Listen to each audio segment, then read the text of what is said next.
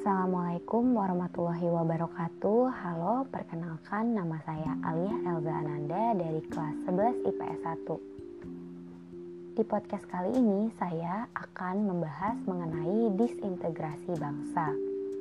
Dengan menjadi bagian dari suatu bangsa, kita pasti dituntut untuk mencintai negara tersebut Terlepas dari suku, ras, atau agama karena perbedaan inilah akan timbul sebuah ancaman yang menanti suatu negara, yaitu disintegrasi bangsa. Menurut Kamus Besar Bahasa Indonesia atau KBBI, disintegrasi adalah keadaan tidak bersatu padu, keadaan terpecah belah, dan hilangnya keutuhan atau persatuan.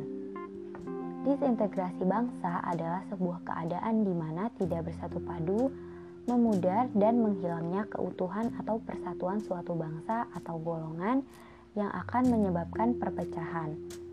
Ketika hal ini terjadi, bukan tidak mungkin akan terjadinya pelepasan wilayah dari suatu negara. Pengetahuan mengenai disintegrasi pada tingkat nasional menjadi penting untuk dipahami dalam konteks kebangsaan dan pendidikan. Perlu diketahui bahwa ada beberapa faktor penyebab disintegrasi bangsa atau penghambat integrasi di antara lain perbedaan ideologi. Setiap negara tentu punya ideologi masing-masing yang harus juga dimiliki oleh para warga negaranya. Masalah akan muncul ketika muncul berbagai ideologi dengan paham yang tidak sesuai dengan ideologi negara tersebut Lalu ada demografi yang timpang. Kesenjangan dalam demografis juga bisa menjadi penyebab dari terjadinya disintegrasi bangsa. Ketika pemenuhan kebutuhan tidak seimbang, rakyat akan berlomba-lomba untuk memenuhi kebutuhannya. Hal ini bisa memunculkan rasa kecemburuan yang akan menuntut berbagai hal dan bisa berakibat perpecahan. Lalu ada iklim politik yang kurang sehat. Hal ini adalah salah satu pemicu yang bisa menyebabkan terjadinya perpecahan. Akan ada oknum yang mempermainkan politik untuk kepentingannya sendiri. Hasilnya, banyak terjadi demonstrasi dan perpecahan di tengah masyarakat ketika membahas masalah politik tersebut. Lalu, menurunnya tingkat toleransi di tengah masyarakat Menghormati segala perbedaan adalah, hal yang penting dalam kehidupan berbangsa.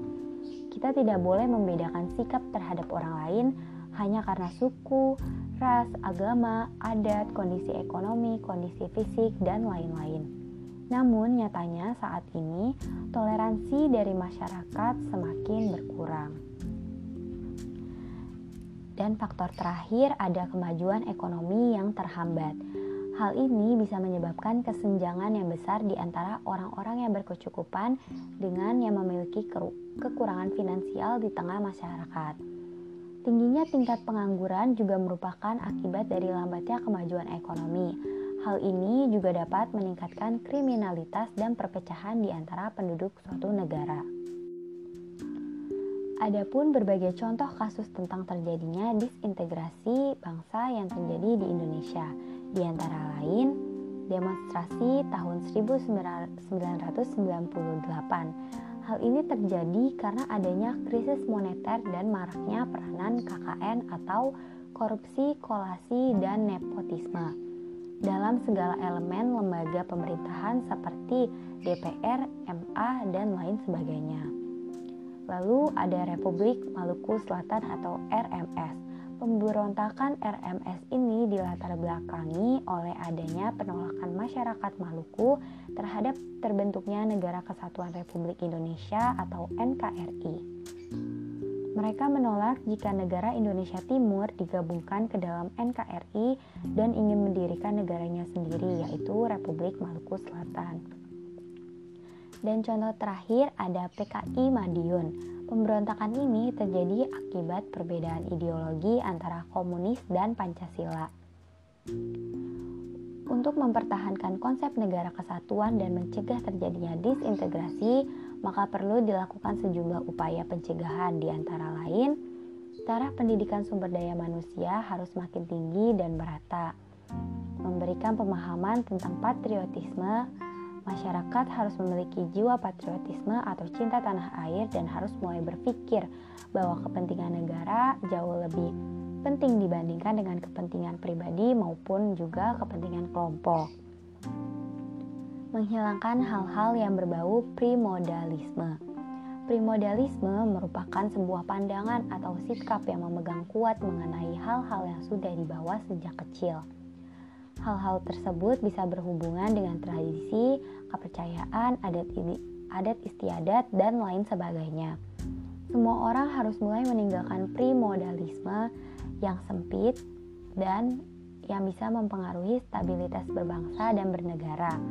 Selain itu, tindakan lainnya seperti KKN atau korupsi, kolusi, dan nepotisme juga harus ditinggalkan.